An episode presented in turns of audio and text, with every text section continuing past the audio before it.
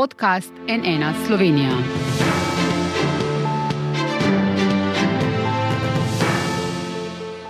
Dobrodan. Smo v odločilnem tednu kampanje pred nedeljskimi predsedniškimi volitvami in to je tretje od štirih soočen na NN. Prvi voljivci so že oddali svoje glasove na predčasnem glasovanju, ki se je začelo danes, pred kandidati pa je napeta ciljna ravnina in srdit boj za vstop v drugi krok. Z nami so danes Milan Brgles, ki kandidira s podpisi poslancev Gibanja Svoboda in ESD. Dobrodan. Dobrodan. Anžel Logar, ki kandidira s podpisi voljivcev in podporo SDS in SLS, dobr dan. dan. Gospod Janez Cigler Kralj, ki kandidira s podpisi poslancev Nove Slovenije, pozdravljeni. In gospod Vladimir Prebilič, ki kandidira s podpisi voljivcev in podporo Vesne zelene stranke, lepo pozdravljeni. Dobr dan. Gospod Brgles, večkrat ste rekli, da vaša izvolitev na mesto predsednika Šahovske zveze ni bila pogojena s sklenitvijo 200 tisoč evrov vredne sponzorske pogodbe s podjetjem v 100-odstotni državni lasti, slovenskimi železnicami, kjer ima pomemben vpliv tudi stranka SD. MMC je danes objavil zapisnik seje, na kateri ste bili izvoljeni in tudi to sponzorsko pogodbo. Iz obeh dokumentov izhaja, da ne drži, da vaša izvolitev ni bila pogojena s sklenitvijo te sponzorske pogodbe. Mirko Bandel, nekdani generalni sekretar vlade iz časov LDS, ki je član upravnega odbora Šahovske zveze, je sodeč potem in je vodil to sejo, je sodeč potem zapisniku dejal, da so sponzori vezani na izvolitev vodstva po predlogu upravnega odbora. Kandidat upravnega odbora za predsednika ste bili pa vi. Pa tudi iz sponzorske pogodbe izhaja odložni pogoj, ki je, da občni zbor Šahovske zveze, torej sponzoriranca, izvoli novo vodstvo in sicer po predlogu upravnega odbora. Še enkrat, kandidat upravnega odbora ste bili vi. Gospod Brgles, sklenitev 200 tisoč evrov težke sponzorske pogodbe državnega podjetja je bila torej pogojevana z vašo izvolitvijo in sodeč potem ne drži, kar ste govorili do zdaj.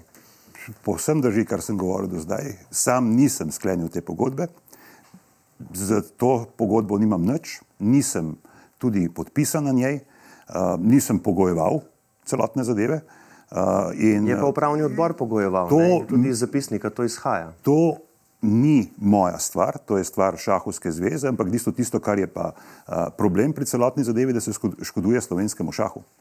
Torej, z pogodbo nimam nič. Pokažite mi, pokažite mi moj podpis. Pokažite mi moj podpis.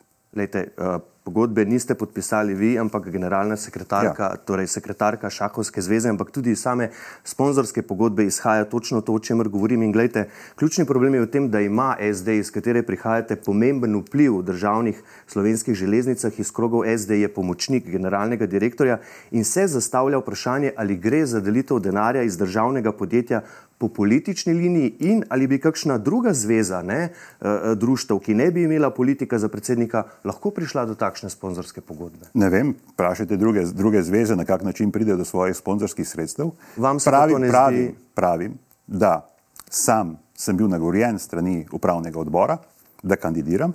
Kandidiral sem s programom, v programu ni bilo nikakršnega pogojevanja. Je pa odložni pogoj v sponzorski pogodbi. Ne? Veste, jaz te pogodbe nisem ne pogajal, ne podpisal, ne karkoli, nimam z njo nič. In, In ne, pove, ne, ne povezujte me s tistim, kar nisem v tistem času ne mogel ne vedeti, ne karkoli drugega. Ampak niste vedeli za Ne, to. seveda nisem vedel. Kako naj bi vedel? Mhm. In tudi potem, ko ste Saj bi ob- dejansko saj- prevzeli bi ob- vodenje same zveze, se vam to ni zdelo nič spornega. Nisem šel niti gledati te pogodbe. Šele zdaj, ko je, ko je zadeva prišla na ta način, da me je pač treba nujno diskreditirati, ali pa oziroma diskreditirati Šahovsko zvezo in s tem tudi uspehe slovenskega šaha, v tem primeru, ja, sem šel pogledati, kaj, kaj celotna zadeva pravi. Tisto, kar vem, je, da je bila sklenjena prej. Tisto, kar vem, je, da ni gor mojega po- podpisa. Vem, da se jo nisem pogajal, to, to sem vedel že prej. Takrat, ko so mi prvič pokazali, so mi pokazali samo prvo stran, na, na kateri pravzaprav ni, ni ničesar in bila je izpolnjena v, v skladu z tistim pravi, pa bom rekel, programom, ki ga je že upravni odbor kot tak potrdil. Kako pa to vidite vi, gospod Logar, gre za podjetje v 100-odstotni državni lasti? No, meni je nenavaden odložni pogoj, ki je vezan na personalno imenovanje nekoga. Ne. Zdaj, če bi v času, ko sem preiskoval bančno kriminaliteto, našel kreditni predlog, kjer bi um, odobritev kredita vezali na imenovanje posameznika, bi zagotovo ta posel podrobneje preiskoval. Kar se tega tiče, pa mislim, da je stvar raziskovalnega novinarstva, da tej zadevi pride do dna, ker meče slabo senco tako na državno podjetje, kot na pač podobne predloge. No. Mislim, da se z davkoplačevalskim denarjem, predvsem iz državnih podjetij, ki so na nek način povezana tudi s tem, ker so tudi v našem skupnem upravljanju eh, treba zelo skrbno ravnati in da je transparentnost ena od prvih stvari, ki jih je treba zasledovati. Gospod Brgles pravi, da nima eh, nič s to pogodbo, da je ni podpisal. Uh, je pa tudi res, da se je o njej pozanimal šele potem, ko smo o tem začeli uh, spraševati mediji. Uh, gospod Brgles je že najmanj v treh zadnjih intervjujih rekel, da ste bili vi, gospod Logar, dober obratnik na zunanjem ministrstvu, dokler se ni umešal Janez Janša, ko pa ste dobili ukaz od Janše, pa ste mu tudi sledili, je dejal. Gospod Prebilič, ali tudi vi o gospodu Logarju mislite enako? No, jaz mislim, da gospod Logar eh, je čisto korekten politik. Eh, mislim, da pa je zelo tesno povezan z vodstvom te stranke eh, in to, ta vez se mi zdi skoraj da nerazložljiva. Glede na to, da je celotno kariero zgradil znotraj te stranke in da je ta stranka seveda tudi pomagala marsikje in marsikdaj, da je zasedel položaj, jaz mislim, da gre tukaj za določeno navezo in osebno seveda težko pristanem na dikcijo, da gre za popolnoma neodvisno kandidaturo. Gospod Logar, vi pravite, da ste ponosni na svoje dosežke. Vas te besede gospoda Brgleza potem takem užalijo? No, če komu rečeš, ki je zunani minister, da je obrtnik, potem verjetno gre za neko osebno želitev. Zdaj, ne vem, zakaj moraš tak izraz uporabiti za zunanjega ministra. Še posebej zato, ker, ker menim, da moramo v Sloveniji vsi, ki smo na odgovornih funkcijah, sodelovati. Eh, da ne sme recimo evropski poslanec žaliti eh, ministra ali pa da minister žaliti evropskega poslanca in tako naprej.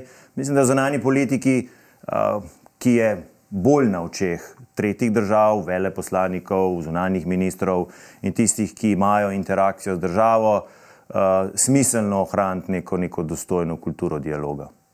Gospod Brgles, gospod Logar pravi, da žalite s tem. Ne, nič, nikogar ne žalim pojasnjujem razliko med tistim, kar je počel kot vodja diplomacije. Diplomacija pa je po definiciji tudi obrt, ni zgolj obrt, ampak je tudi obrt. In ti zdel je bil upravljen v redu. Kadar se je pravzaprav zalomilo, je, kadar je bilo navodilo z vrha ali pa kadar je bilo treba braniti lik ali pa tisto, kar je počel v odnosu do evropskih inštitucij, sam Janez Janša. In tukaj pa je problem. Tukaj pa je problem. In Kaj sam tudi. Čem konkretno? Ja, od tistih žalitev, ki so, ki so letele uh, na, na same posla, na, recimo, poslance uh, Evropskega parlamenta. Katere žalitev? Uh, same poslanke, uh, kako se že piše, uh, na odboru Intveld. Katero žalitev pa sem izrekel? Ne, da ste vi izrekel. Ja. Ko je bilo treba braniti to, kar je Janez Janša naredil v odnosu do nje. Kje sem pa branil? Ja ste jo branili v bistvu v našem parlamentu, če nekje drugje ne. Kdaj, kje? Lejte, zdaj, da bom mogel vsako stvar uh, raziskovati do, do, do konca, zaradi tega, da bi lahko uh, postavil točko, kjer se pa pravzaprav te zadeve uh, razlikujejo. Potem samo poročilo oziroma depeša, uh, kot taka, ki je govorila o slovenskem medijskem prostoru, ki je bila pravzaprav na koncu narejena na Ministrstvu za zunanje zadeve. Seveda se tam delajo depeše, Seveda so uh, bili poslanci tudi, ko so morali, se, ko so razpravljali o celotni zadevi, uh, z manj znanja, bili soočeni s tem, da jih uh, obrtniško zaobidete. To smo vse pravzaprav doživeli takrat. Izvolite, gospod Logar. Ne, ampak besede v tem studiu so očitno zelo poceni. Jaz bi res želel konkretne primere, ker no, noben od zdaj predstavljenih primerov ne naslavlja tega, kar je gospod Brgles rekel, da sem se kot nekakšna um, štartna pištola užgal, ko je nekdo rekel, kaj moram storiti. Nikoli nisem. Zunanje ministrstvo sem vodil po lastnih načelih, tako kot sem smatral, da je prav in uh, praktično vsi mi priznavajo, da smo v času mojega ministrovanja na zunanjem ministrstvu in na področju zunanje politike naredili velike premike naprej. Celo vaš svetovalec, gospod uh, kako je uh, bivši, bivši minister za zunanje zadeve, kdo vam bo svetoval za zunanjo politiko? Gospod Weigl. Gospod Weigl, ja, se pravi, čujem. Gospod Weigl je um, na tržnici, ko se je ustavil, pohvalil moje delo kot delo zunanjega ministra. Zato ne razumem, bi prosil res za konkretne primere, kje nisem ravnal tako kot zunanji minister, ampak kjer sem deloval po diktatu uh, predsednika vlade. Vam bom jaz dal potem en primer, eh, če ima gospod Brgles težave. Dejstvo je tudi, gospod Logar, da vi zelo podarjate, tudi kot predsednik preiskovalne komisije o bančnem kriminalu, ste to podarjali, transparentnost, čistost poslov. Bili ste vodja projekta predsedovanja Evropske unije, eh, zunanje ministrstvo, ki ste ga vodili, pa je od podjetja, ki je bilo v lasti, v lasti Rajka Janše, brata Janeza Janše, v času vaše vlade pa je bilo v lasti njegovih sinov. Eh, za potrebe predsedovanja med drugim kupilo 78 tisoč kuljev, dežnike, torbe, kravate. Vse skupaj je po podatkih z Erarja stalo uh, skoraj 96 tisoč evrov, naročilo pa se je drobilo na več naročil in niti enkrat ni bilo treba izvesti uh, javnega razpisa. Ste dobili ukaz, da morate posel oddati podjetju? Ne, nikakor. Jaz za ta posel nisem vedel, dokler niste mediji začeli to raziskovati in potem sem takoj vprašal organizacijsko enoto, torej projektno skupino za predsedovanje, ki je bila ločena od Ministrstva za zunanje zadeve, od rednega delovanja tudi fizično zunaj prostorov Ministrstva za zunanje zadeve na Gregorčičevi. Kdaj je bila pripojena? Na, na Gregorčičevi. Kdaj je bilo to pripojeno?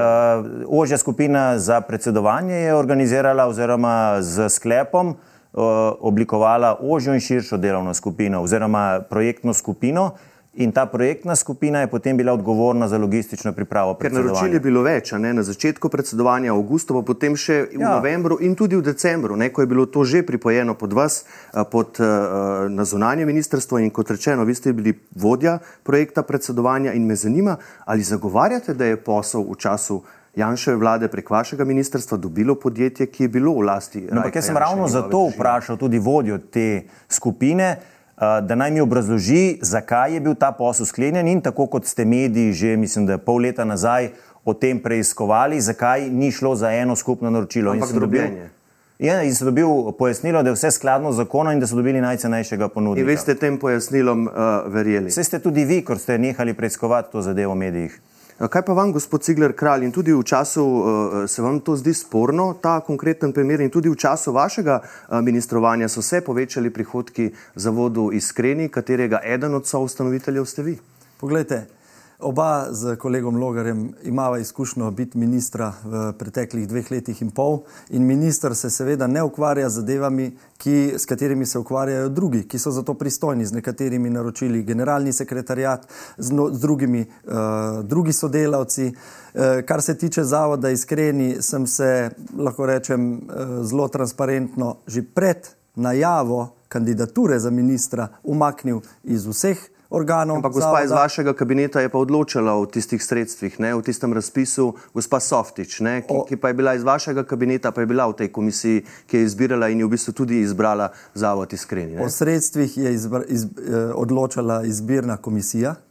In veste, da pri evropskih sredstvih, pri črpanju evropskih sredstev, gre za zelo, zelo natančne postopke, ki so podvrženi tudi več stopnjam nadzora, in ne nazadnje so poleg zavoda iskreni dobila sredstva tudi, mislim, da 15 ali 17 ostalih organizacij. Vsaka organizacija je dobila toliko, za kolikor je zaprosila. In še nekaj je pomembno, ta sredstva so bila namenjena konkretnim projektom za lajšanje stisk in težav, travm, ki so nastale zaradi epidemije COVID. Mi smo se samo želeli čim hitreje na to odzvati, kaj naj bi naredil ali naj bi zavod iskreni, s katerim dejansko v resnici nisem imel nobenih povezav in niti nisem odločil, tudi sam sem se izločil iz postopka odločanja, torej tudi nisem podpisal odločbe, ali naj bi njih zavrnil z njihovim programom, če jih je komisija spoznala za primerne oziroma njihov projekt za primeren, ki bo odgovoril na, na te stiske, pa še nekaj. Na koncu je seveda nekdo prijavil zadevo KPK-ju. In o tem se pa ni toliko poročalo, da je KPK čez nekaj mesecev izdal jasno odločbo in mnenje, da ni bilo kršeno načelo integritete. Lejte, predsednik je moralna avtoriteta in tudi, tudi sami povdarjate v svojih nastopih, zato so vaša ravnanja v preteklosti pomembna, eh, da jih eh, seveda razčiščujemo. Gospod Brgles, v javnih nastopih pravite, da obsojate in obžalujete povojne poboje, uh -huh. da pa zavračate državno obeleževanje kolaboracije. Uh -huh. Če je odhajajoči predsednik Pahor v kaj vložil ogromno svoje energije in časa, so to prizadevanja za spravo. Ampak če pa prav razumem vas, eh, vi kot predsednik, če boste to postali na spominsko slovesnost, varnost v Kočevski rok ne boste šli. Ja, bom ponovil zopet svoje stališče, ki je zelo jasno. Državniško je možno slaviti narodno-sodilni boj brez revolucionarnega nasilja. Državniško ni možno slediti katere koli oblike kolaboracije. Povojni poboji so obžalovanja vredni, obsojanja vredni, to sem že tisočkrat povedal. Vse žrtve, torej vse, torej vsi naši, si pa zaslužijo dostojen pokop. Mislim, da je tukaj tista rdeča črta, ki jo je treba jasno in glasno povedati. Eh, ne govorim o spravi tudi zaradi tega, da je bolj sprejemljiva pozicija, eh, govorim o pomiritvi eh, glede tega in mislim tukaj narediti še kakšen korak naprej, simbolen, majhen, ne mislim pa, da bom šel preko teh rdečih črt.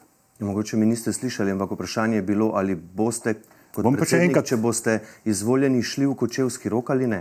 To je bilo vprašanje. Sem hodil že na tudi obeleževanja povojnih pobojev, tiste, na katerih sem hodil, bom hodil tudi naprej, hodil bom tudi na, uh, bom rekel, uh, maše za državo, če bom povabljen uh, in podobne zadeve, ker za spoštovanjem vere nimam problema, ampak da vam ponovim. Torej, obeleževanje narodno-sodilnega boja brez revolucionarnega nasilja je nekaj, kar je del državnosti.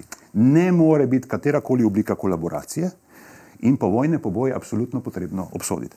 Če se pa hočejo pogovarjati tisti, ki zanikajo na eni strani fašizem in nacizem, in na drugi strani povojne poboje, pa se naj. Ta, to ne more biti del konsenza te družbe. Smo vas razumeli, da v kočevski rok ne boste šli, gospod Cigler Kralj, ali mislite, da si gospod Brgles tega ne more privoščiti tudi iz čisto političnih, pragmatičnih uh, uh, razlogov zaradi podpore, ki naj bi imel uh, v zvezi borcev? Je ta preveč pomembna za njegovo uh, politično preživetje? Kaj menite? Težko komentiram njegovo pozicijo in na koga je vezan. Sam pa lahko rečem, da se mi zdi, da ravno to, da se še 80 let po drugi svetovni vojni še vedno pogovarjamo o tem in da še vedno buri duhove dogajanje uh, zaradi revolucije med uh, narodno-osvobodilno borbo, kaže na to, da je potrebno, da se temu nameni, lahko rečem, ena taka pozornost, ki bo pa pripeljala do pomiritve, do ene sprave, če hočete. Tu je Nova Slovenija z Ljudmilo Novak, če se spomnite,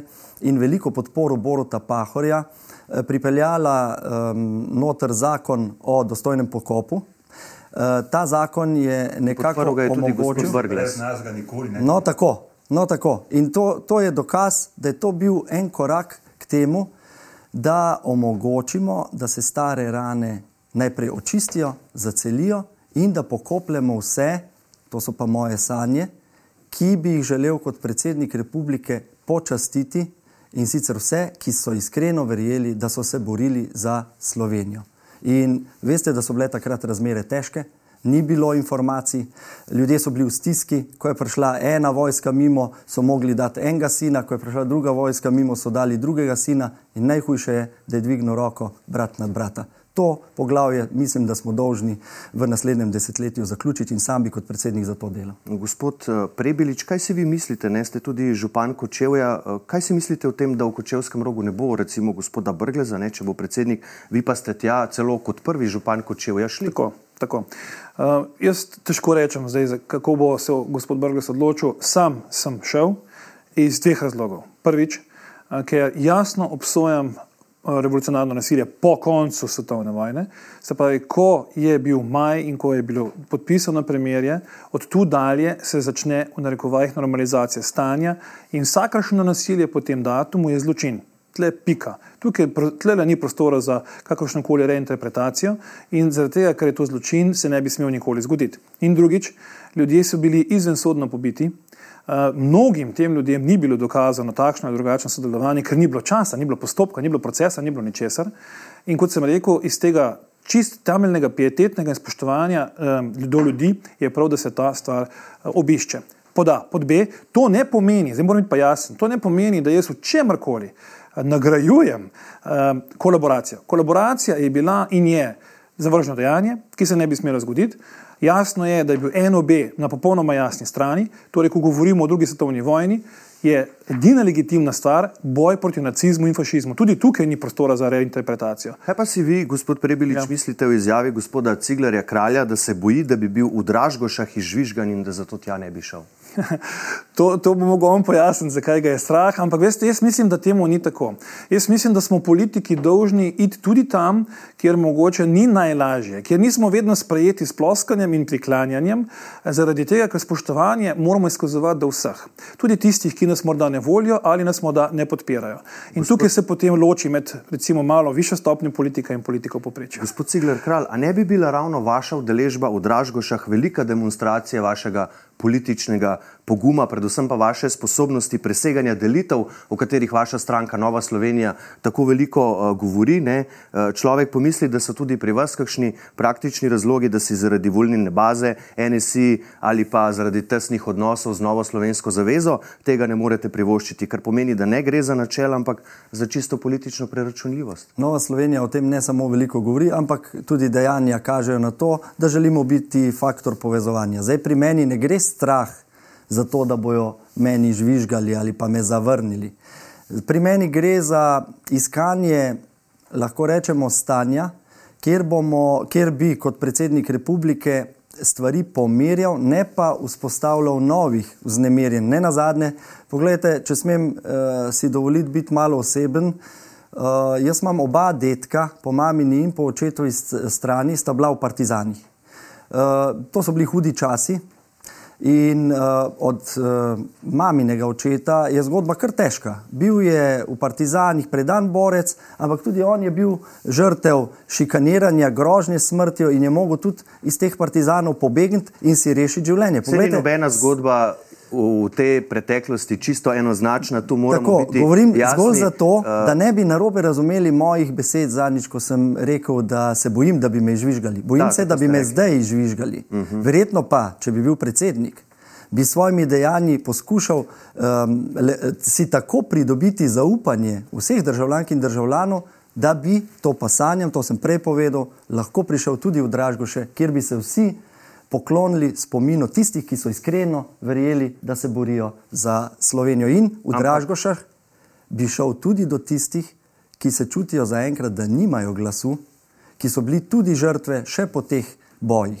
In bi tudi njihov spomin počastil. Gospod Logar, ste vi glasovali za razrešitev gospoda Brgle za mesta predsednika državnega zbora leta 2014? To mislite, da je po tistem, ko je ustavno sodišče odločilo, da je bilo da bi odločili o koalicijski izjavi o naravnem pravu. To je bilo prej. To je popolnoma nespremljiva izjava. Ne spomnim se, po moje sem glasoval za razrešitev. Ja. Uh, bom jaz zdaj spomnil na to, to je bil zelo napet čas v parlamentu, takrat je bil Janez Janša, vaš predsednik, v zaporu na, domu, uh, na dobu, ampak uh, eh, SDS je Brglezovo razrešitev predlagala zaradi njegove izjave za mladino in zdaj citiram, posledica zgolj upoštevanja naravnega prava, če skušate razumeti takratne oblastnike, pa so povojni poboji. Kako vi razumete to izjavo? Grozljivo. Kako ne bi poskušal sploh razumeti? Vse nedolžne žrtve in tudi na koncu koncev dolžne žrtve brez sodnega postopka po končanju vojne. Mislim, da je to nedostojna izjava, še posebej na tako visoki funkciji, kot je predsednik državnega zbora in popolnoma primerljiva s tisto izjavo o drugih razrednih temah. Gospod Brgle, zdaj bodo gledalci ta izsek iz intervjuja, malo večji izsek. Da, da, cel, cel vaš odgovor bodo zdaj videli in prosim, pojasnite nam, eh, kaj ste mislili s tem.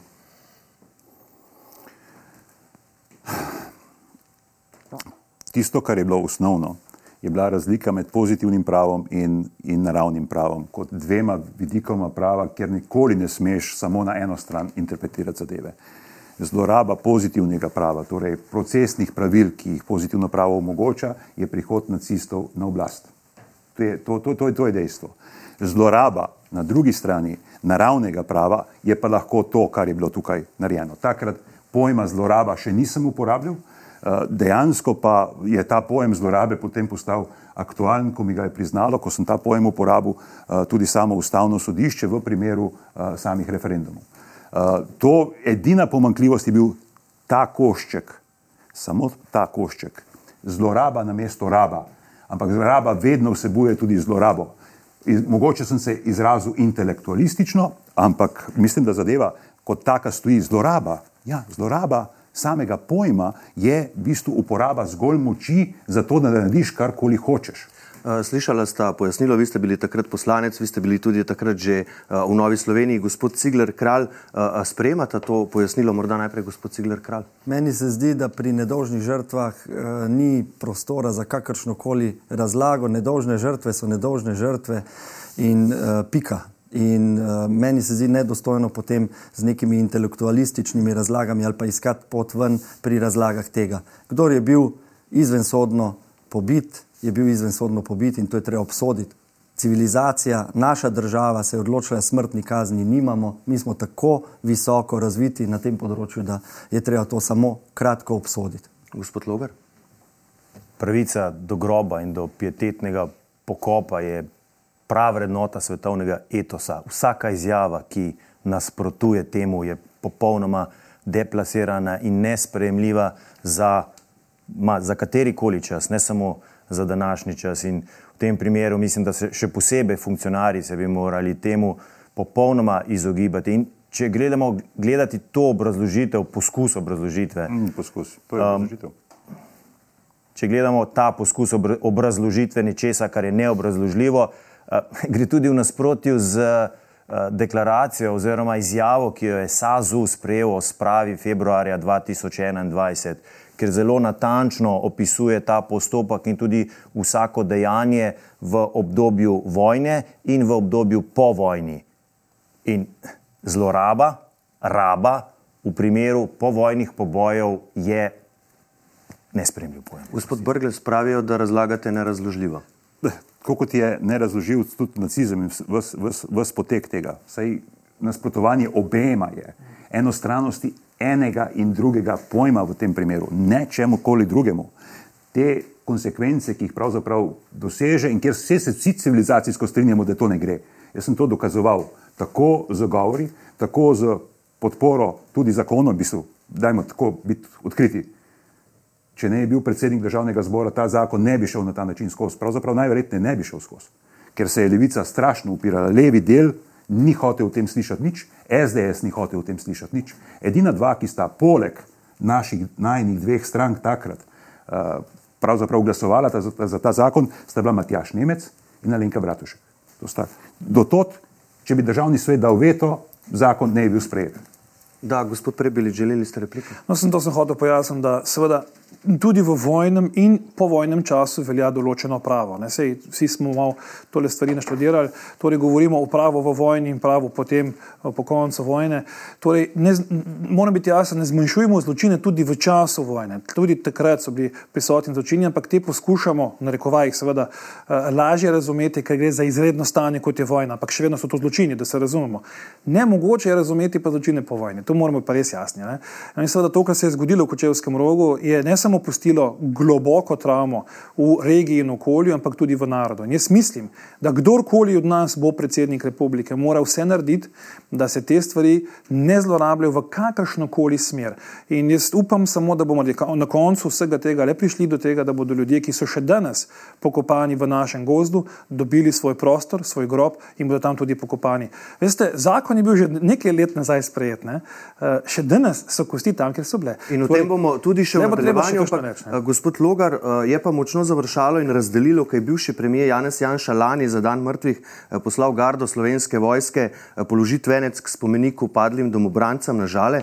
Bi vi kot predsednik republike storili enako? Prej sem že povedal, da je pravica do groba, pravica, pra pravica in prav vrednota svetovnega etosa vsak ima pravico do groba in spoštovanje tega, mislim, da je tudi načelo, ki ga nosi predsednik republike, predsednik vlade ali kdorkoli drug. In če so pokopani na žalah, seveda, mislim, da predsednik vlade lahko podeli ta venec. Oziroma, kaj pa, kaj pa vi kot predsednik republike? Jaz kot predsednik republike bi opravljal vse tiste um, dejanja, ki so namenjena pietetnemu spominu na žrtve. Pa je to to? Kar je storil gospod Janša? Je to to? Jaz bi ravnal skladno za tradicijo.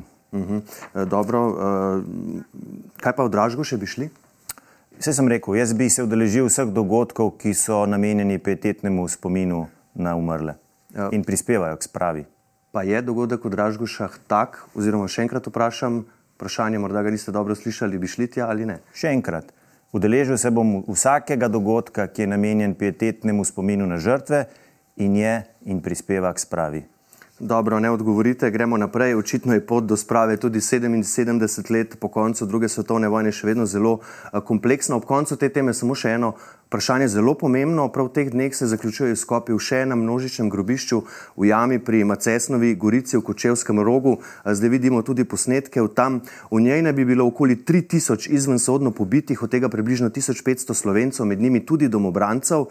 Komisija vlade za reševanje vprašanj prekitrih grobišč želi te žrtve pokopati na ljubljanskih žalah, a je ljubljanski župan Zoran Jankovič proti, pravi, da na žalah ni prostora.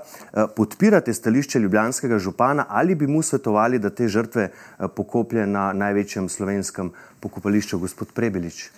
Jaz mislim, da je prav in še enkrat se bomo vrnili na začetek, da se pokoplje ljudi dostojanstveno, še enkrat bi so izvensodno pobiti, nikomor niso uspeli dokazati, ker za to ni bilo sodnega procesa, da so krivi, kar so bili obtoženi in umorjeni. Vi ste ne? tudi nekako se zdaj ponudili, čeprav vem, ne, da bi eh, lokacijo našli v vaši občini, ampak vprašanje je, mogli... bilo, ja, vprašanje ja, je ja. bilo, ali uh, bi svetovali Ljubljanskemu županu. Da... Ne bom jasen, popolnoma jasno je, da bi mu svetoval, da se to uredi na način in obsegu, kot se spodobi do teh ljudi. Uh, to je najmanj, kar lahko država naredi. Še enkrat govorim o, tako je, govorimo o zločinu. Mogoče sem kratka replika, prej, ko je bilo vprašanje okrog domobrancev in pa poklonov. Veste, v vojnem času.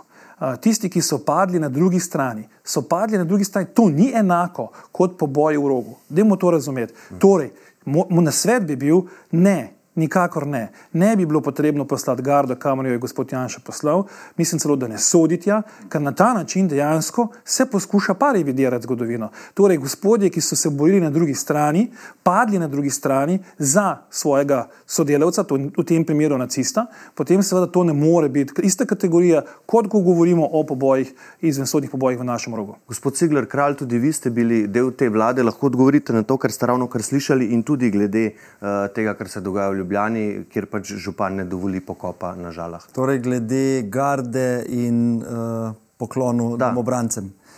Kot sem rekel, takratni čas je bil težek. Jaz mislim, da družine in fantje niso imeli informacij, kako, za koga in kdo. Odgovornost vodstva domobranskega gibanja eh, zaradi prisege eh, nacizmu oziroma Hitlerju je nepopravljiva. Ampak nisem vas Ampak, tega vprašal, lahko še glede uh, žal in pokopa eh, to, kar. Glede žal je pa za me nerazumljivo, zakaj župan nasprotuje najprej pokopu ostankov, posmrtnih ostankov romskih otrok in žensk. To je bila ena velika nerazumljiva zgodba in zakaj nasprotuje, da bi nekje na žalah dostojno pokopali tudi posmrtne ostanke vseh teh iz Macesnove gorice. Sam sem bil dvakrat kot minister za delo, lahko rečem, uh, v rogu pri tem breznu in moram reči, da je pretresljivo, uh, ko sem polagal venec in ko sem v par trenutkih tišine tudi nekako se spomnil in počastil spomin na nje. Gospod Logar, uh, vi ste že kar nekaj let ne, v vrhu Ljubljanskega mestnega odbora SDS, imate kar, uh, bom rekel, napete odnose z županom. Najbrž ste tudi to zgodbo spremljali, jo spremljate, uh, vaše stališče? Pravijo, da je um, morišče v Mecesnem rovu še hujša zgodba kot um, huda jama. Jaz si to, ker sem obiskal hudo jamo, že tako težko uh, sploh predstavljam. In uh, zagotovo bi županu svetoval, da omogoči pokop teh, mislim, da preko 3000 trupel zverinsko pobitih, brez sodnega, uh, torej izven sodno zverinskih pobitih na ljubljanskih žalah. In mislim, da bi gospod Jankovič z enim takšnim dejanjem največ naredil za spravo v Sloveniji in omogočil, da svojci, tisti, ki ne vejo, kje so njihovi. Uh, pač, uh, starši oziroma stari starši uh, lahko na ta način se tudi uh, poslovijo. Gospod Jankovič in tudi uh, direktor podjetja Žale pravita, da uh, se je spominski park Tehar je uh, bil narejen prav zato, uh, gospod Brgles, bi vi, uh, ljubljanskega župana, spodbudili k temu, da dovoli ta pokop v Ljubljani. Vendar le ne, tudi gospod Dežman iz komisije te vladne pravi, da je vsaj sto pobitih eh, v Breznu pod Macesnovo Gorico prihajalo z območja današnje mestne občine Ljubljana? Uh, najprej tako, najprej ločevanje, ki je ključno.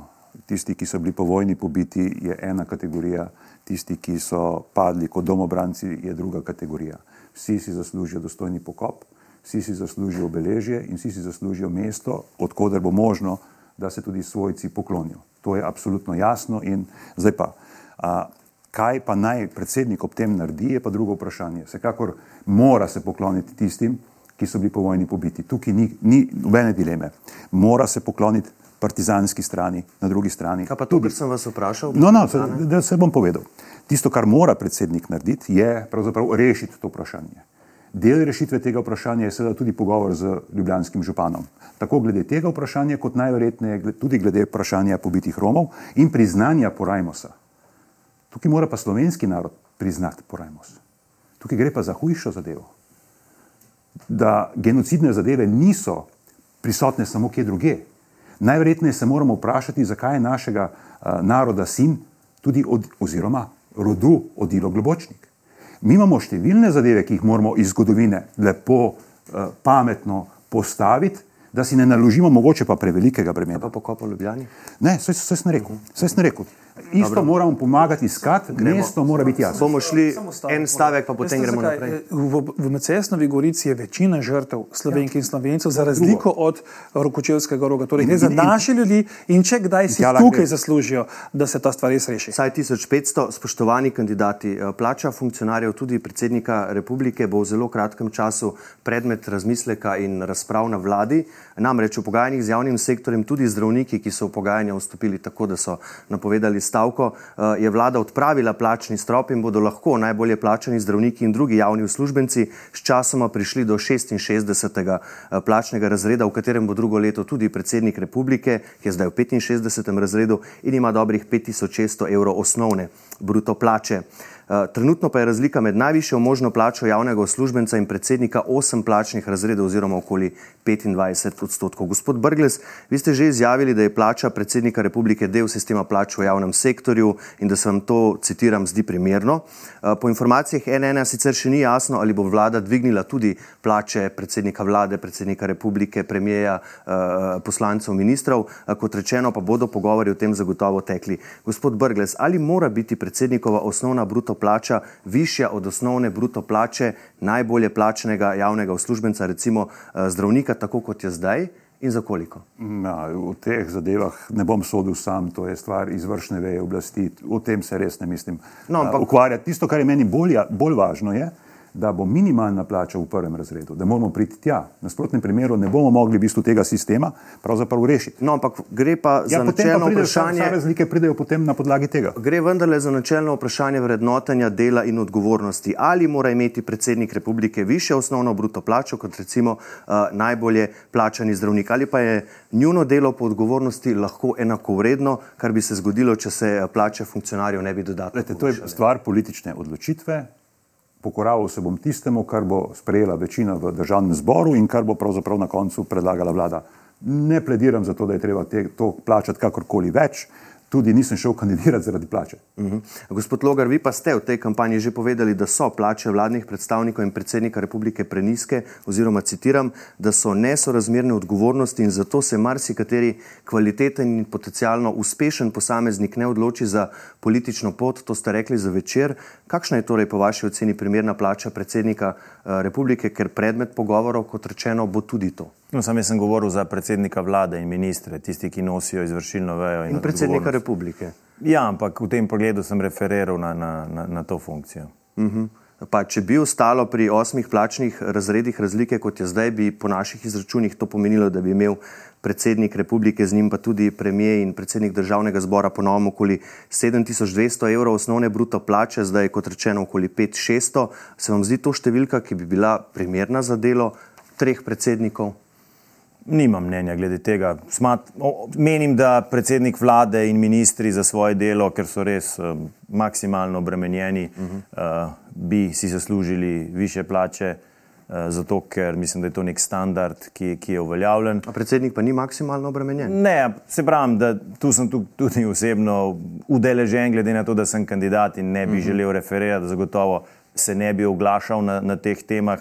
In tudi ni to noben razlog, ki bi mene bolj ali manj prepričeval. Razumemo, da je to pri voljivcih zelo nepopularna tema. Gospod Prebelič, vi ste glede tega dokaj jasni, rekli ste, smiselno bi bilo, da je nagrada višja, ampak da ne bo višja tudi odgovornost. Razložite nam to, prosim. Tako je. Uh, jaz, jaz stojim na stališču, da ni samo vprašanje, kakšna, kako visoka nagrada je, ampak kakšno delo je upravljeno za to nagrado. Torej, ugotavljam, da je vse premalo odgovornosti vezano na tisto nagrado, ko jo nekdo dobi. Jaz bi si sam želel, da bi kdorkoli že bo upravljal to funkcijo in tako naprej, da bo potem dejansko odgovarjal za svoje dejanje. Slovenski politiki pač se zdi, da temu ni tako. Uvodoma ste lepo ugotovili, da nenadoma neka, neka stopnja demence nastopi po nekaterih stvareh.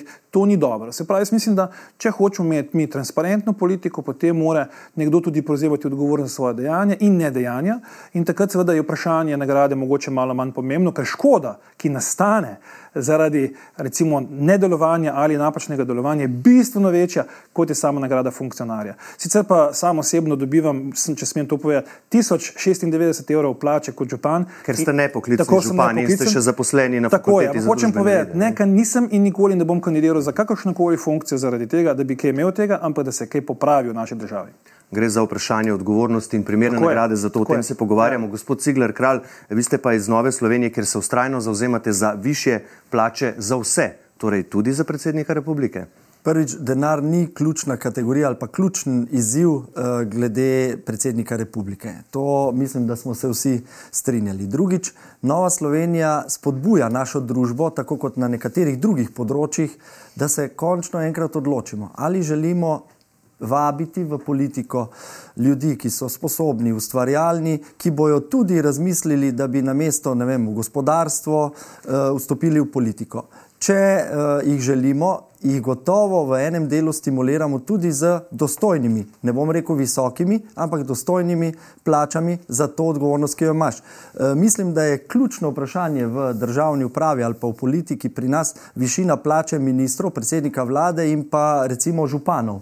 To so tisti, ki so najbolj podplačani. Konec koncev smo s kolegom Logarjem izkusili prve tri mesece najnega ministrovanja za 2000 evrov neto mesečno. In uh, mislim, da lahko gledalke in gledalci sami presodijo, kakšna plača je to za odgovornost, ki jo pač minister v tistem času nosi. Ja, kot rečeno, sta bila ministra v prejšnji vladi, uh, ministrica za javno upravo Sanja Janovič-Hovnik je v petek po pogajanjih zdravniki rekla, zdaj bomo to tudi videli, uh, citiram, novembra podpisani dogovor, ki je bil delno realiziran, je povzročil veliko škode. Gre za tako veliko škodo, da bi na tem mestu veljalo razmisliti, ali bi bil kdo zrel za ovadbo z odškodninsko in kazensko odgovornostjo.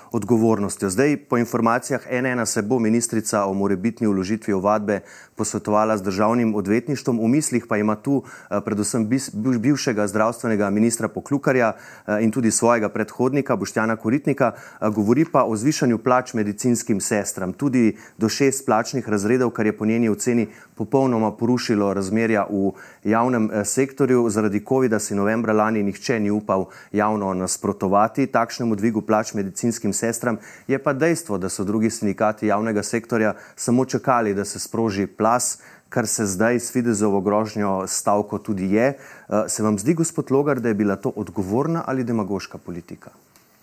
Jaz takrat v tistem času res nisem spremljal dogovarjanje. Mi smo predsedovali svetu Evropske unije in sem sam se sto odstotno ukvarjal s predsedovanjem in vodenjem zunanje politike. Ampak vlada je vendarle kolektivni organ. Ja, razumem, pa ima tudi svoje resorje, ker vsak minister upravlja svoje delo in ga upravlja verjetno po svojih najboljših močeh in predstavi stališče. Ampak eh, sprožili.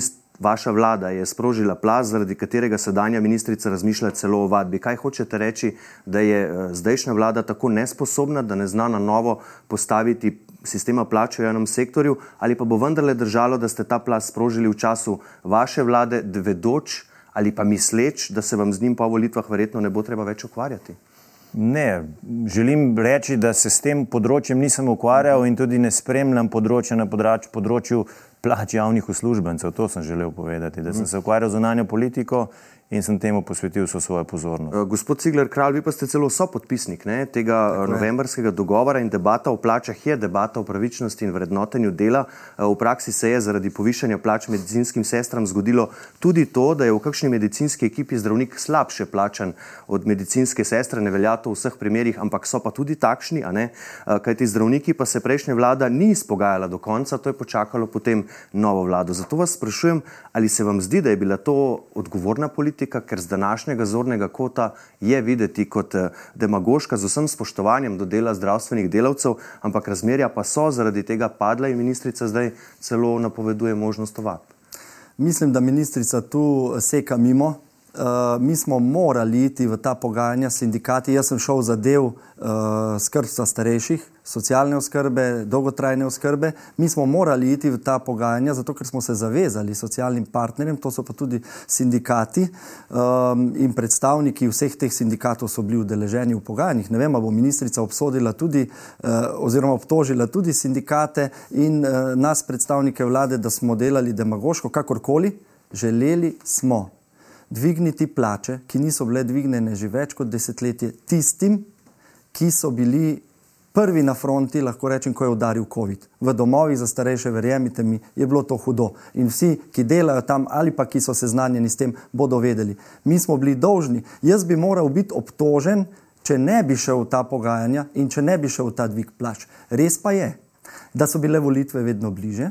In ko smo začeli z drugim krogom pogajanj za lahko rečem, drugi krok ljudi, da bi razmerja popravili, in potem tudi za zdravnike, kjer jaz sicer podrobnosti ne poznam, da ampak bi uskladili razmerja. Ampak, če so vladi vedeli, kdaj bodo volitve, a ne? Ja, ampak so dejstvo, sindikati kar naenkrat, bi rekel, uh mhm. -huh. mislim, da uh, začeli taktizirati in s tem oškodovali, to si pa upam reči, tudi. Te ljudi, ki bi si zaslužili na naslednjem koraku, više plače. Pa še nekaj, vlade. Nova Slovenija ima pa tudi sam eh, tu jasno stališče. Problem eh, plačah javnega, pri plačah javnega sektorja so razmerja in vezave med sektorji. Jaz mislim, da je tu treba razdeliti enotni plačni sistem na štiri sisteme, kjer naj bo zdravstvo ločen sistem in naj se tu razmerja vseh zaposlenih, ne samo zdravnikov, primerno uredijo. Gospod Prebelič, želeli ste besedo? Ja, hotel sem to pojasniti, kar je bilo zdaj na koncu povedano. Sindikati ne morejo biti krivi za to, da so izposlovali boljše plače. To je njihova naloga, to je njihovo poslanstvo. Vlada je tista, ki odmerja te stvari. Ne. To se mi zdi bistveno povedati. Torej, sindikati res ne. In druga stvar, ki se mi zdi pomembna, mogli bi seveda zaobjeti širše. Ne dejansko ne se pogovarjati samo z enim segmentom, enim sektorjem, ampak širše, tudi zdravniki hkrati, da ne pride do porušene razmeri. To, kar je bilo zdaj povedano. Moram pa reči osebno, ne, zdaj, pravilno ste ugotovili, vlada je kolektivni organ. Torej, te stvari jaz verjamem, da so se na vladi tudi pogovarjali. Ne. In se mi zdi potem hecno, da na koncu slišimo, da nekdo ne ve, kaj se dogaja. Konc koncev mi, lajki, ki živimo v tej državi, vemo, kaj se dogaja, kdo se pogaja, kako se pogaja, kakšen način to se vodi. Kot rečeno, razmerja ja. so bila porušena, zdaj imamo, kar imamo. Uh, gospod Brgle, vi pa ste kandidat dveh koalicijskih strank, tudi največje. Ali ni neodgovorno tudi to, da želi golobova vlada povoziti davčno reformo Janševe vlade, ki je vse do leta 2025 vsem zaposlenim zviševala neto plače, obenem pa ta vlada zaposlenim na nižjih plačah, ki po poročanju humanitarnih organizacij zaradi draginje vse pogosteje ne pridejo več skozi mesec, ciljano sploh še ni pomagala? Ja, vsekakor mora ciljeno pomagati, uh, to, je, to je dejstvo. V bistvu neko zaporedje mora pri celotni zadevi obstajati. Ampak da se mogoče vrnem na prejšnjo, na prejšnjo vprašanje, ker, ker sem hotel tudi nekaj povedati. Ne? Tisto, kar je jasno, je, če bo minimalna plača vse bolj rasla in zdaj je prišla, mislim, da smo na 24. razredu za minimalno plačo, prišli bomo na 28. prostora za pogajanje naprej bo vedno, vedno, vedno manj. Ta vlada bo pravzaprav morala zagristi to, to, to težko jabolko in začeti vračati te razrede dol na ta način, da bo minimalna pri prvem razredu. Drugače, še, drugače ne more biti. Če se vrnem še k svojemu vprašanju, bi vi uh, pozvali vlado v tem trenutku, da naj jih pohiti s pomočjo, ne, ker ste rekli, Dajte, da tudi... jaz v tem trenutku sem samo kandidat za predsednika republike. Če bi bili predsednik? V tem trenutku nisem predsednik ko bom predsednik, bom se lahko oglasil, bom lahko poskušal narediti v zadju tiste stvari, ki se jih naredi, preden se predsednik v takih primerih oglasi. Gospod Logar, bi vi spodbudili vlado, da pomaga? Mislim, da je neodgovorno v času, ko se dražijo položnice, ko je vseh strah, kakšen bo račun za elektriko, za ogrevanje in tako naprej. rekel, preklicati davčno reformo, ki je vsakemu dala več.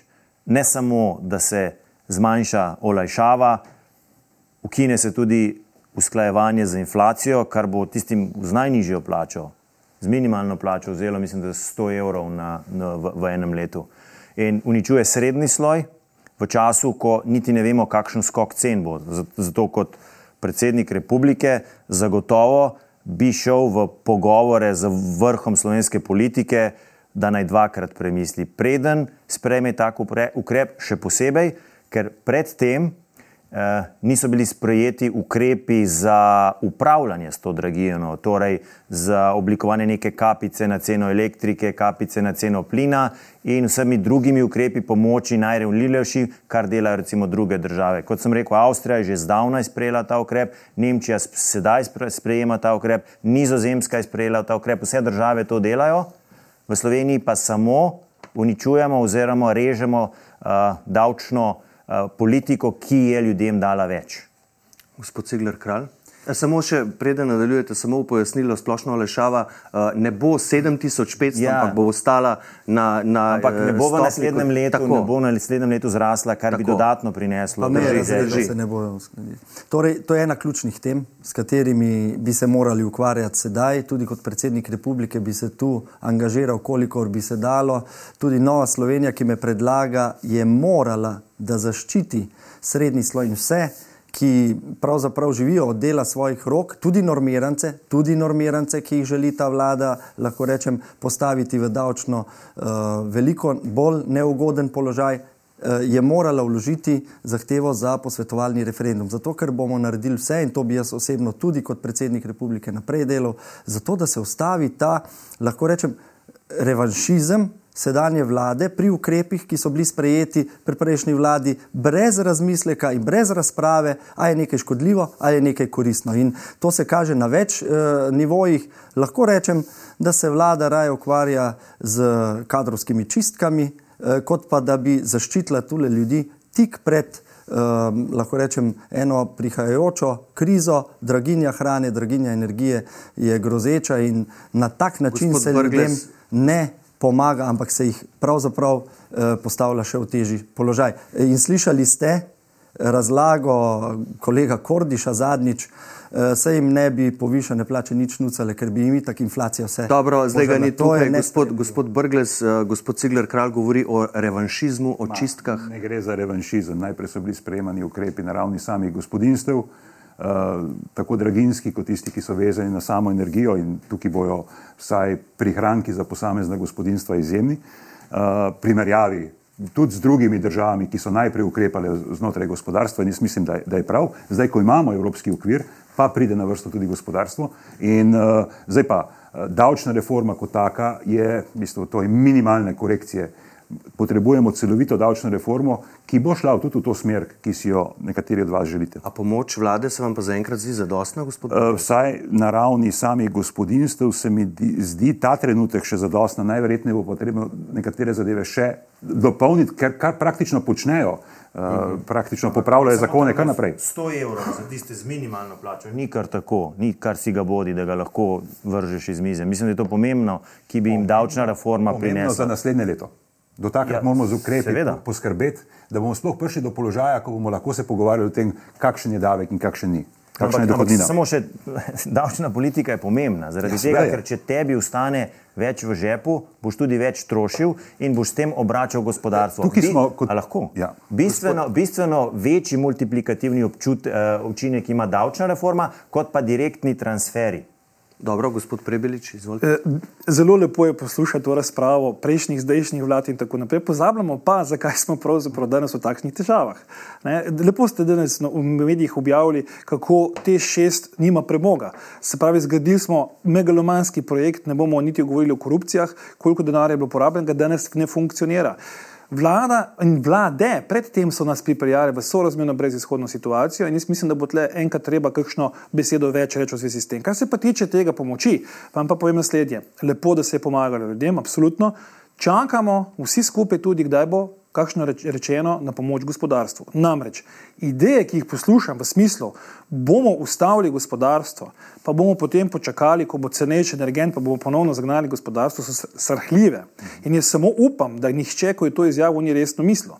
Ker namreč, če kaj to državo poganja, je to ravno gospodarstvo. Torej, ampak če se je, se je redno, redno misl, resno mislil, vse te šest je ravno posledica tega resnega. To se strinjam. Če smem. Pričakujemo, prvi, prvi, ne, ne, ne. prvi primer tega. Pričakujemo še danes sporočilo Evropske komisije v zvezi z uh, omejitvijo cen. Uh, zdaj gremo pa naprej. Spoštovani kandidati, ena najtežjih situacij, v kateri se lahko znajde predsednik republike, je, če mora razglasiti zakon, s katerim se ne strinja ali celo meni, da je neustaven. Ampak predsednik republike mora, tudi po mnenju pravnikov, ustavnih pravnikov, je to kar nedvoumno v osmih dneh podpisati ukaz o razglasitvi vsakega zakona, ki ga spreme državni zbor, če ga ne podpiše, ravna neustavno uh, in tvega tudi ustavno obtožbo. Eh, če ga podpiše, pa ravna v nasprotju s svojimi načeli, a ustavno. Gospod Brgles, ko ste bili vi predsednik državnega zbora, ste šli proti takratni vaši stranki SMC, ki je skupaj z SDS in NSI sprejela zakon o tujci. Tujcih, vi ste bili proti, prepričani, da je zakon protiustaven, kar je kasneje potrdilo tudi ustavno sodišče. Če bi ta zakon dobili na mizo kot predsednik republike, kaj bi storili? Preden bi zakon prišel do mene, bi vedel, kaj se dogaja ker to je absolutno nekaj, nekaj kar, kar moraš vedeti. Seveda bi poskušal predtem poskrbeti, da ostane znotraj ustavnih okvirov, tudi pri nekaterih drugih zakonih, recimo zakon o mednarodni zaščiti, sem z mesta predsednika državnega zbora uspel ohraniti ta balans, ki je znotraj naše ustave kot nek minimum predstavljen. Ampak politična realnost ja, ja, je pač bila takšna, kot je bila. Ja, je bila takšna, je... kot je bila, ampak tista politična realnost je vseeno celo predsedniku državnega zbora omogočila, da je zakon prišel do ustavnega sodišča. Bi ga podpisali, če bi Lejte, prišel na vašo mizo? V vsakem primeru bi najprej poskrbel za to, da je bilo povsem jasno, da bo ta zakon pristal na ustavnem sodišču.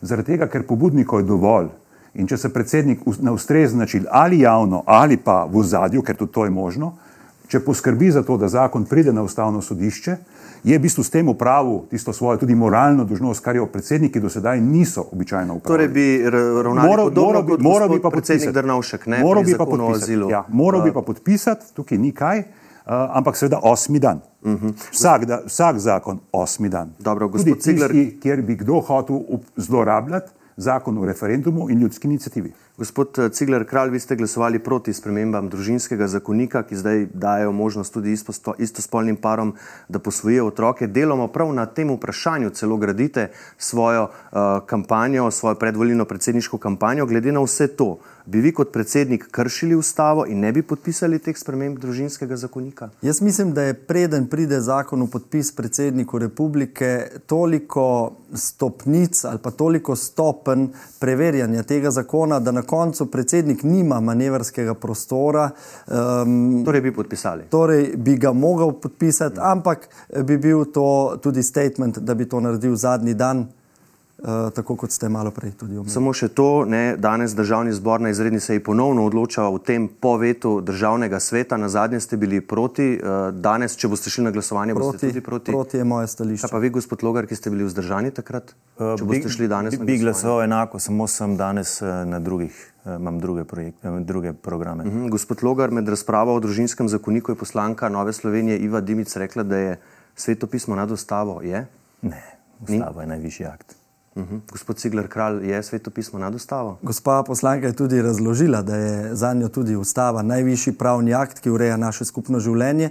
Moramo pa razumeti kolegico Dimico. Ona je eh, premagala raka in je gotovo svetopismo dajalo duhovno moč za ta boj in je v žaru razprave o družinskem zakoniku to tudi rekla, bilo je še marsikaj drugega izrečeno. Torej smo si na jasnem, ustava je najvišji pravni Seveda. akt, eh, ni nič nad njo. Gospod Prebelič, kakšnega zakona pa vi ne bi nikoli podpisali, eh, čeprav bi to pomenilo, da bi s tem kršili ustavo? Težko se zdaj spomnim neke materije, tako le na pamet, ampak bi pa dodal nekaj. Ne? Torej, če bi prišel nek zakon na mizo, ki eklatantno ni ustaven, bi prej, kar je bilo povedano, naredil vse, da bi prišli do ustavne presoje, da bi ugotovili, ali je temu res ali ne. Če bi imel jasna zagotovila, kljub temu in ne bi uspel priti do ustavne presoje, bi tvegal tudi ustavno obtožbo. Torej, ne bi podpisali. Ne. Ustavna presoja šele potem, ko zakon. Ja, ne more biti prej. Ja. Kaj bi pa vi naredili? Ne more biti prej, ker je 8 dni.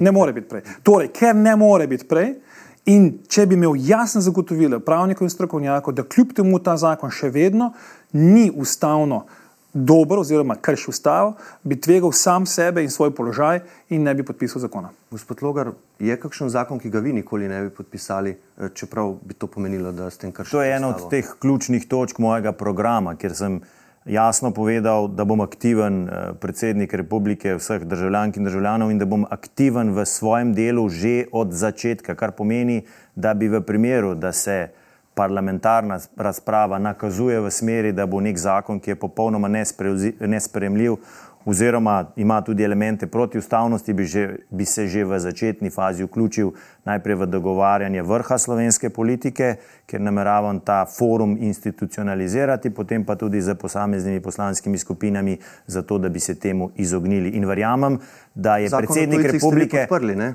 Prosim? Takrat ste zakon o tujcih vi podprli. Ne? Ja, in, in, in pravim, in pravim da bi bil neustaven potem. Jaz se takrat sem bil poslanec, zdaj govorim v primeru predsednika republike. In bi v primeru uh, tega, da sem prepričan kot predsednik republike z ustreznimi argumenti, lahko vplival formalno in neformalno na to, da bi bil zakon tak, da ga na koncu podpišem. Zdaj eh, smo v sklepnem delu, preden zaključimo še nekaj kratkih vprašanj v tem odločilnem tednu pred dnevom glasovanja. Eh, gospod Prebilič, prejšnji teden sem vas v tem studiu vprašal, ali boste še enkrat kandidirali za župana Kočevja kot plan B. Takrat ste rekli, da imate še, še, še čas. nekaj časa Tako za razmislek, ampak ta, ta, ta dan je, je zdaj že praktično pred nami. Zdaj že veste, če boste vložili to kandidaturo uro, še do, vedno. Do 19. Ne. ure, v četrtek imam čas in vam bom to tudi sporočil. Uh mhm. -huh. In skratka, ja. do zadnjega se boste ja. uh, v tem. To mi uh, zakon tudi omogoča. Ja, gospod Brgles, kako vi gledate na to taktiziranje gospoda Prebiliča? Je to pošteno do voljivcev ali ne? To bo mogel on odgovoriti svojim voljivcem. Ja. No, ampak vas vprašam, ne, glede na to, da gre za učitelj. Ne, ne bom komentiral v, v tem kontekstu, ne mislim. Kont Mislim, uh -huh. Ne, ni, ni, ni mi ta zadeva tako ključna v, v, v tem trenutku. No, ampak vi ste se morali za to, da ste dobili podporo Gibanja Svoboda, odreči ja. funkcijam v vaši stranki, kar je logično. SD, ostali pa ste evropski meni, poslanec. Meni, meni je to logična zadeva. Ja, ja. Vsi dosedani, ki so. A dovolite, da vam vprašanje ja, postavim.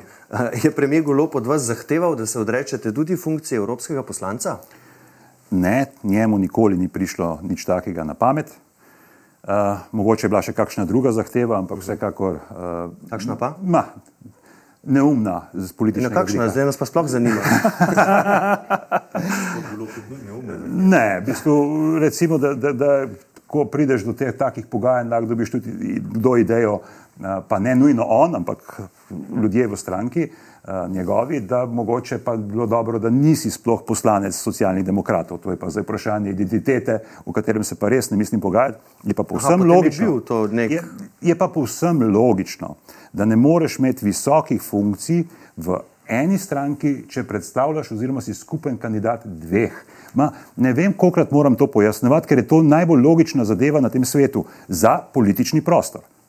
Mhm. Gospod Prebilič, eh, za tri kandidate, ki so na prvih treh mestih vseh dosedanjih aket, poleg gospoda Logarja in Brgleza, še gospa Pirc Musar, ste vi rekli, da v drugem krogu ne bi podprli nikogar med njimi, eh, ker da niso neodvisni, da gre za strankarske ljudi.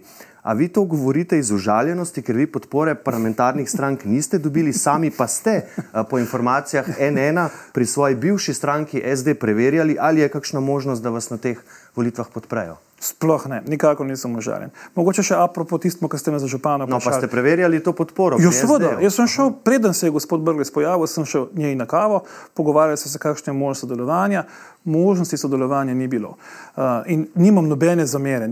Analizirate pa nekako, da ne. so oni strankarski kandidati, vi ste pa v enem tudi nekako prosili. Ne, ne, veste, kaj, zakaj gre. Podporo. Gre za to, da v tej tekmi, ko smo danes, pa ne prišel na županski odgovor, Če je temu, kot vi pravite, nelojalnost oziroma neiskrenost z moje strani, potem bi vsi ti gospodje, ki so danes poslanci, enako mogli odstopiti svoje funkcije in kandidirati za predsednika, ne? da se ne pri to razčistimo. To je druga stvar, ki pa je pomembna. Ne, jaz nisem govoril, da je problem s strankami in njihovim strankarskim angažmajem. Oni so člani strank in to je vse pravično in prav.